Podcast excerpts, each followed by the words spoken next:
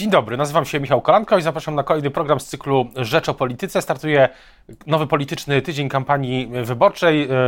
cały czas echa decyzji prezesa Kaczyńskiego o tym, że nie kandyduje z Warszawy, tylko e, z Kielc i decyzja Donalda Tuska, że ostatnie miejsce z Kielc przypadnie Romanowi Giertychowi. PiS będzie finalizował w tym tygodniu listy. Jest też krótkie posiedzenie Sejmu planowane. Będzie o czym mówić i o tym też, o tym też będziemy mówić w programie. Dzień dobry Państwa i moim e, gościem dzisiaj na, początek, e, na początku tygodnia jest Krzysztof e, Łapiński, był rzecznik prezydenta Dudy, teraz właściciel agencji Timing. Dzień dobry. Dzień dobry, witam Pana, witam Państwa. Zacznijmy się może od decyzji prezesa Kaczyńskiego. Niektórzy bardzo zaskoczeni decyzją, że ona się w ogóle zmaterializowała, że prezes nie będzie od chyba 30 lat po raz pierwszy kandydował z Warszawy, tylko z Kielc. Co Pan na to? Co to w ogóle znaczy? No, w pierwszy, tak, chyba w pierwszych wyborach 1989 e, roku prezes Kaczyński startował, zdaje się, z Elbląga, później cały czas z Warszawy. Ja myślę, że to jedno pokazuje, pokazuje że Prawo i Sprawiedliwość e, e, bardzo rozważnie układa listy, ma o tyle łatwiej, że już większość partii pokazała swoje listy wyborcze i Prawo i Sprawiedliwość chce zmaksymalizować potencjał swoich kandydatów. Jeśli jest możliwość, że w Kielcach, czy w tym okręgu właśnie kieleckim, gdzie Prawo i Sprawiedliwość w poprzednich wyborach miało 10 mandatów, a teraz jest ryzyko, że może jeden stracić, e, no, no to postawienie tam na czele listy Osława Kaczyńskiego pewnie spowoduje, że e, jest szansa nie tylko utrzymać ten mandat, tak zwany mandat zagrożony, ale być może jeszcze zdobyć, wycisnąć jakiś taki rekordowy wynik i w okręgu 16-mandatowym zdobyć, nie wiem, 11, a może 12 mandatów. I myślę, że to jest prosta kalkulacja obliczona, że obecność Osława Kaczyńskiego na listach e, w Kielcach e, może dać e, lepszy wynik, w sensie przysporzyć dodatkowy mandat, niż obecność w Warszawie, no, która jest dla Prawa i Sprawiedliwości trudnym terenem, to jest tutaj, tutaj wiadomo, elektorat jest bardziej lewicowo-liberalny, Prawo i Sprawiedliwość zdobywa E, kilka mandatów i, i, i nawet jak Jarosław Kaczyński stoi na liście, no to e, za, e, za, dużo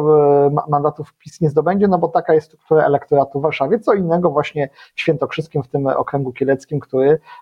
który jest takim trochę też bastionem Prawa i Sprawiedliwości, więc jest szansa, że nie tylko PiS tam nie straci mandatu, ale być może też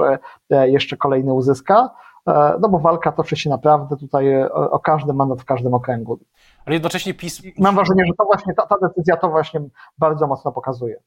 Ale to też pokazuje chyba, że prezes Kaczyński niespecjalnie się przejmuje takimi kwestiami czysto wizerunkowymi, no bo jak tylko pojawiły się takie informacje, to jako pierwszy podał kolega Jacek Gądek z gazety w portalu gazeta.pl, to generalnie wydaje się, że politycy Platformy no, mają jedną, mieli jeden przekaz, że że, że prezes Kaczyński ucieka przed Tuskiem. Wydaje się, że dla prezesa Kaczyńskiego to nie ma specjalnie znaczenia, co mówi o nim Platforma. Jeśli jest na jednej, na, na, na jednej szali się postawi właśnie to, co media opiszą, czy co e, politycy innych opcji powiedzą, a na drugiej, jaki może być e, uzysk wyborczy, czyli obrona mandatu albo jeszcze, e, albo jeszcze zdobycie kolejnego, no to wiadomo, że Jarosław Kaczyński wybierze to drugie rozwiązanie. Nie będzie się przejmował różnego rodzaju takimi złośliwościami medialnymi czy politycznymi, że, że gdzieś tam ucieka, tylko gdzieś jak będzie miał pokazane przez, przez sztabowców, że proszę bardzo, panie prezesie, tu jest zagrożony mandat, albo tu jeszcze możemy uzyskać jeden, e, to wybierze właśnie to rozwiązanie, które będzie które będzie korzystniejsze e, dla całej formacji, e, nie patrząc na, na jakieś, nazwijmy to, złośliwości, złośliwości w sferze takiej medialno-politycznej. A ta decyzja Donalda Tuska, że ostatnie miejsce na liście w tym samym okręgu ma mieć Roman Giertych, jak, jak rozumiem, to jest trochę, trochę wojna psychologiczna. Myśli pan, że to na prezesa zadziała? Moim zdaniem to pokazuje dwie rzeczy. Po pierwsze, ogromną determinację mecenasa Giertycha, żeby zdobyć, e,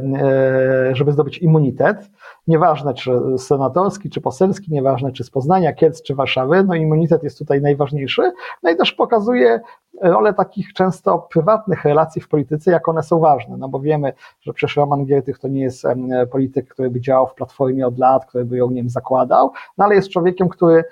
wielokrotnie, zdaje się, reprezentował Donalda Tuska i jego e, rodzinę w różnych sporach sądowych i na pewno cieszy się zaufaniem Donalda Tuska, takim osobistym, prywatnym. E, no, I tak jak mówię, pokazuje też determinację Romana Giertycha, że próbował wejść na różne na, na listy wyborcze, czy to Paktu Senackiego, tak powiem trochę obrazowo, że próbował wejść drzwiami, nie wpuszczano go, próbował wejść oknem, nie wpuszczano go, próbował wejść piwnicą, nie wpuszczano go, no trochę udało się tam skoczyć przez komin w końcu i, e, i wszystko wskazuje na to, że, e, że będzie na tej liście, będzie walczył o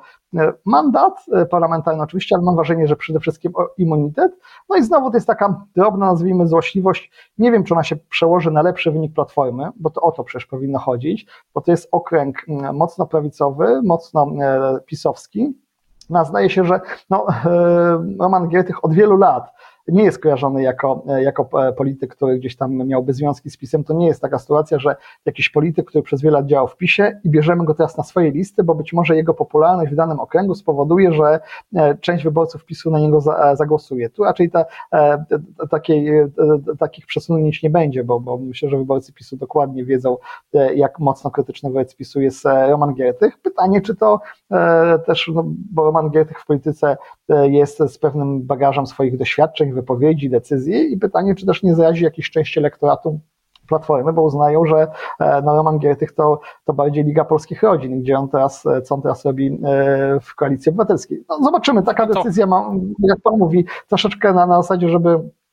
takiej drobnej złośliwości, e, natomiast mam wątpliwości, czy ona przysporzy dodatkowy mandat e, Platformy Obywatelskiej. Być może będzie tak, że Roman Giertych sam się dostanie, ale kosztem jakiegoś długoletniego działa,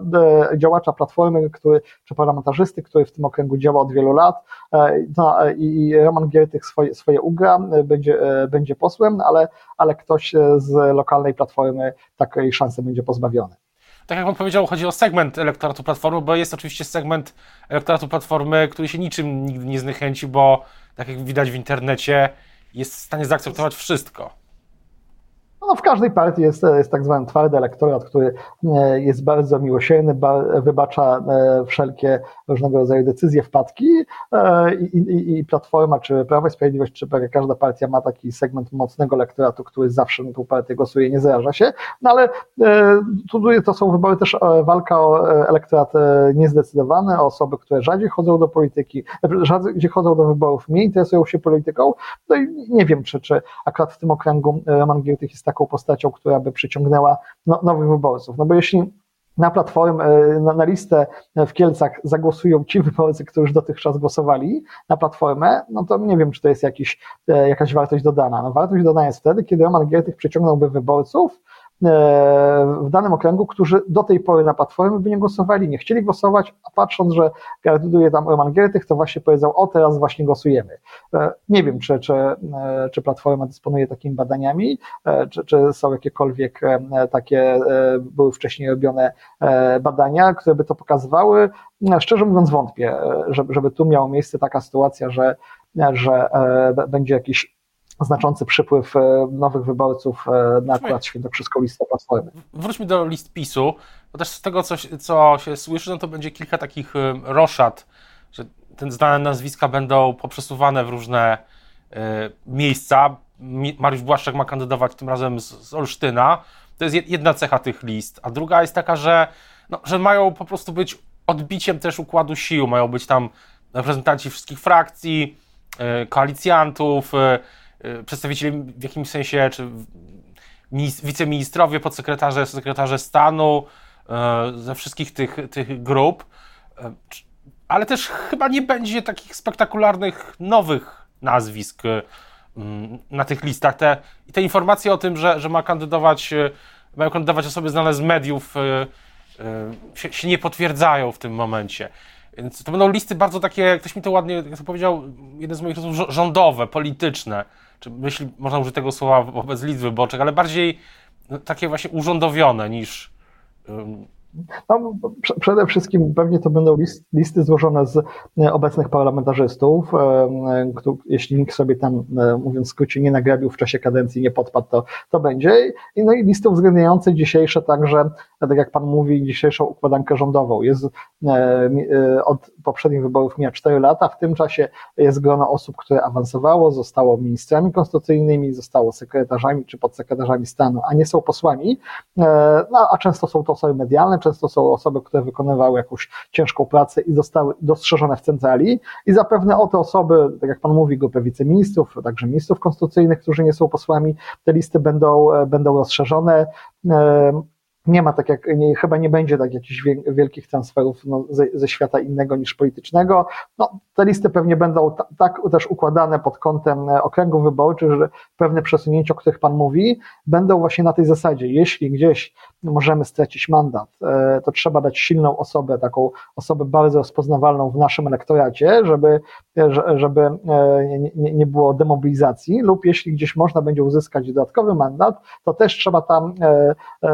też wysłać jakąś lokomotywę wyborczą, nawet jeśli to będzie osoba, która z tym okręgiem nie ma za wiele związków, ale jest rozpoznawalna w elektoracie, bo to też jest ważne, że, e, że czasami tak, tak się mówi o te nieładnie, że to są spadochrony, ale często to są osoby, które są e, um, niezwiązane z danym okręgiem, ale są na przykład mocno rozpoznawalne w elektoracie i, i zapewniają, e, zapewniają e, dodatkowe głosy, więc e, myślę, że za kilka dni pewnie, prawdopodobnie w tym tygodniu te, te listy w jakiś sposób zostaną dopięte i będzie tak, że to, że to będzie uwzględniało także różnego rodzaju rozmowy koalicyjne czy uzgodnienia koalicyjne, no bo oczywiście Prawo i Sprawiedliwość jest tą największą partią, ale są, jest Solidarna Polska, jest Republikanie, są inne środowiska, jest środowisko Pawła Kukiza, więc to, to, to jest e, układanie list, to jest zawsze bardzo e, bardzo trudna, bardzo e, taka, nie, może nie to, że niewdzięczna, ale bardzo ryzykowna, ryzykowna konstrukcja, no bo nigdy nie, jest 41 jedynek, a, a chętnych jest kilkanaście razy więcej na, na tej jedynki i zawsze będzie tak, że, że ktoś będzie troszkę niezadowolony ze swojego miejsca, no i rola liderów partyjnych, kierownictwa, żeby E, żeby ten, e, to niezadowolenie w, e, w, gdzieś tam w czasie kampanii nie wpłynęło na ostateczny wynik. Co do mm, tego, tej całej układanki, to wydaje się, że, że warto się zatrzymać jeszcze nad jednym punktem, który tak troszeczkę y, przechodzi bez echa, bo w maju tego roku, pamiętam, była konwencja y, Solidarnej Suwerennej Polski, y, zmiana nazwy, no i takie bardzo gromkie zapowiedzi też w kuluarach dotyczące możliwości samodzielnego startu. Taki stan się utrzymywał przez dłuższe tygodnia, nawet miesiące takiego dosyć poważnego napięcia. No nie było udawane w tych, w tych kuluarach. No i dzisiaj wydaje się, że nie, nie ma w ogóle rozmowy o rozłamie, o osobnych listach nie, no, Ziobry. Ja, ja bym, to jest chyba dla PiSu ja dobra wiadomość. Ja bym powiedział, że takie często napięcia były nie tylko w ostatnich kilku miesiącach, ale przez całą kadencję. Natomiast ja często powtarzałem, że zawsze na, na koniec, po pierwsze, to czasami może być element strategii negocjacyjnej, to jedna rzecz, a druga rzecz, że na, nawet jak te napięcia były czasami no już takie, wydawało się, że, że na granicy niemalże rozpadu koalicji, to ja zawsze chodziłem na, na nastroje, studiłem nastroje i mówiłem, że spokojnie, spokojnie. E, to jest tak, że na końcu jest zawsze, wygrywa kalkulacja, że lepiej e, być w obozie, który rządzi, w szerokim obozie, E, nawet, e, nawet jako ten mniejszy partner, niż, niż być w opozycji albo, albo poza Sejmem. I zawsze od 8 lat, czy prawie od 9, bo ta koalicja powstała jeszcze przed wyborami w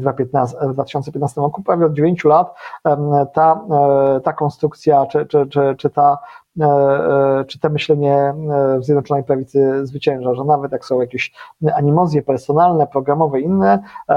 no to, to lepiej je rozstrzygać we własnym gronie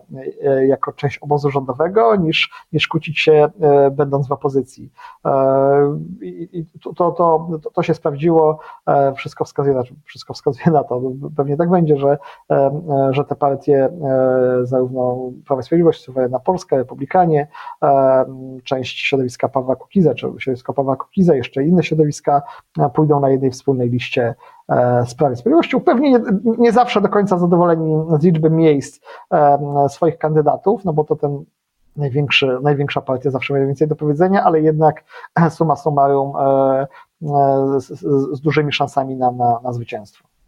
Właśnie, to no, pamiętam, jak rozmawialiśmy jakiś czas temu o tym takim ogólnym obrazie sceny politycznej, pan użył wtedy takiego porównania, że ta scena polityczna jest jak front I wojnie światowej, że się przesuwa o niewiele punktów. I pytanie teraz, czy jesienią to referendum, które PiS tak intensywnie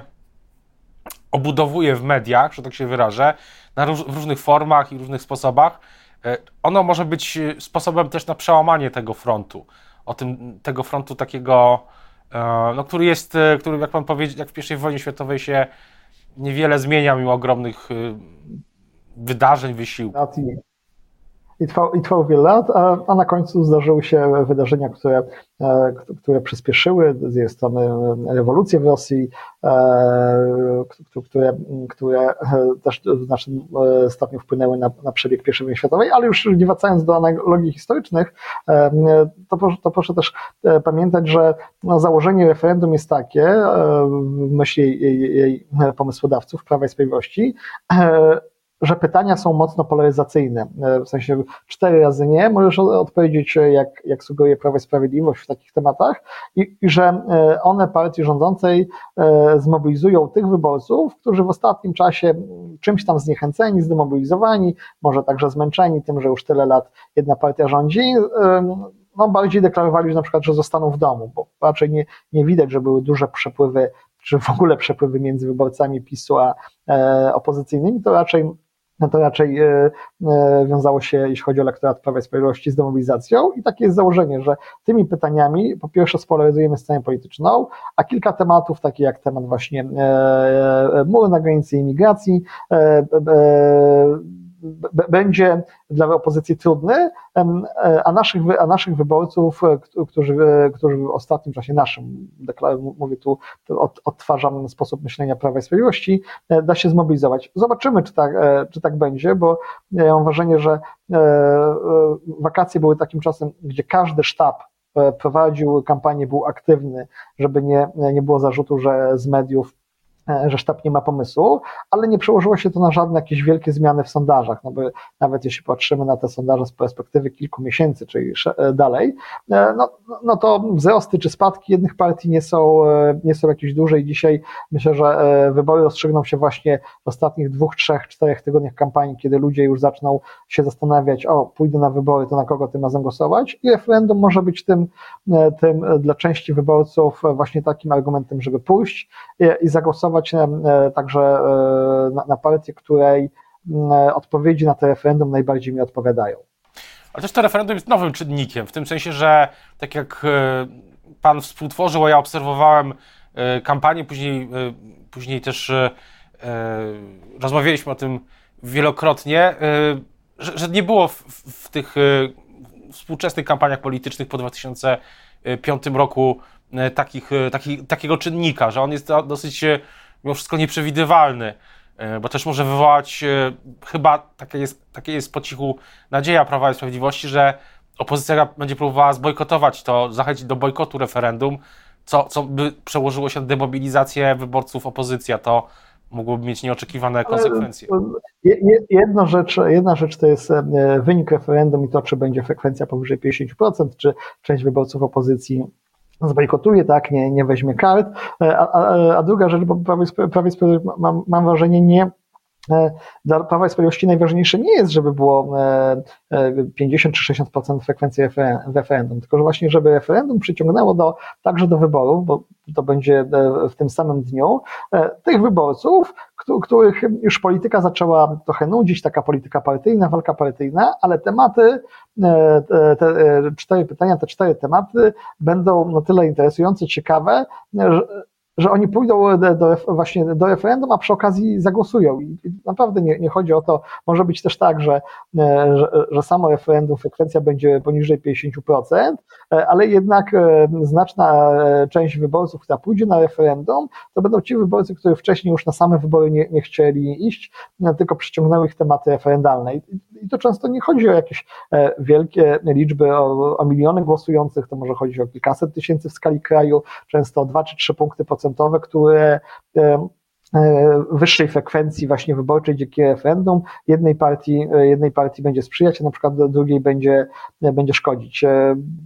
myślę, że tak należy te, te, te referendum interpretować, że ono, że ono, e, e, że ono przede wszystkim e, służy, żeby osiągnąć lepszy wynik w wyborach parlamentarnych, a czy rozstrzygnięcia referendalne będą, będą wiążące, czy będzie taka frekwencja, czy inna, to już dla, dla pomysłodawców tego referendum nie mają aż takiego znaczenia. O tym referendum będziemy jeszcze pewnie wielokrotnie mówić. Teraz bardzo już dziękuję za rozmowę Państwa i moim gościem. Dzisiaj był Krzysztof Łapiński, dziękuję bardzo. właściciel agencji Timing, wcześniej rzecznik prezydenta Andrzeja Dudy. Dziękuję bardzo. Dziękuję bardzo, miłego dnia, do widzenia.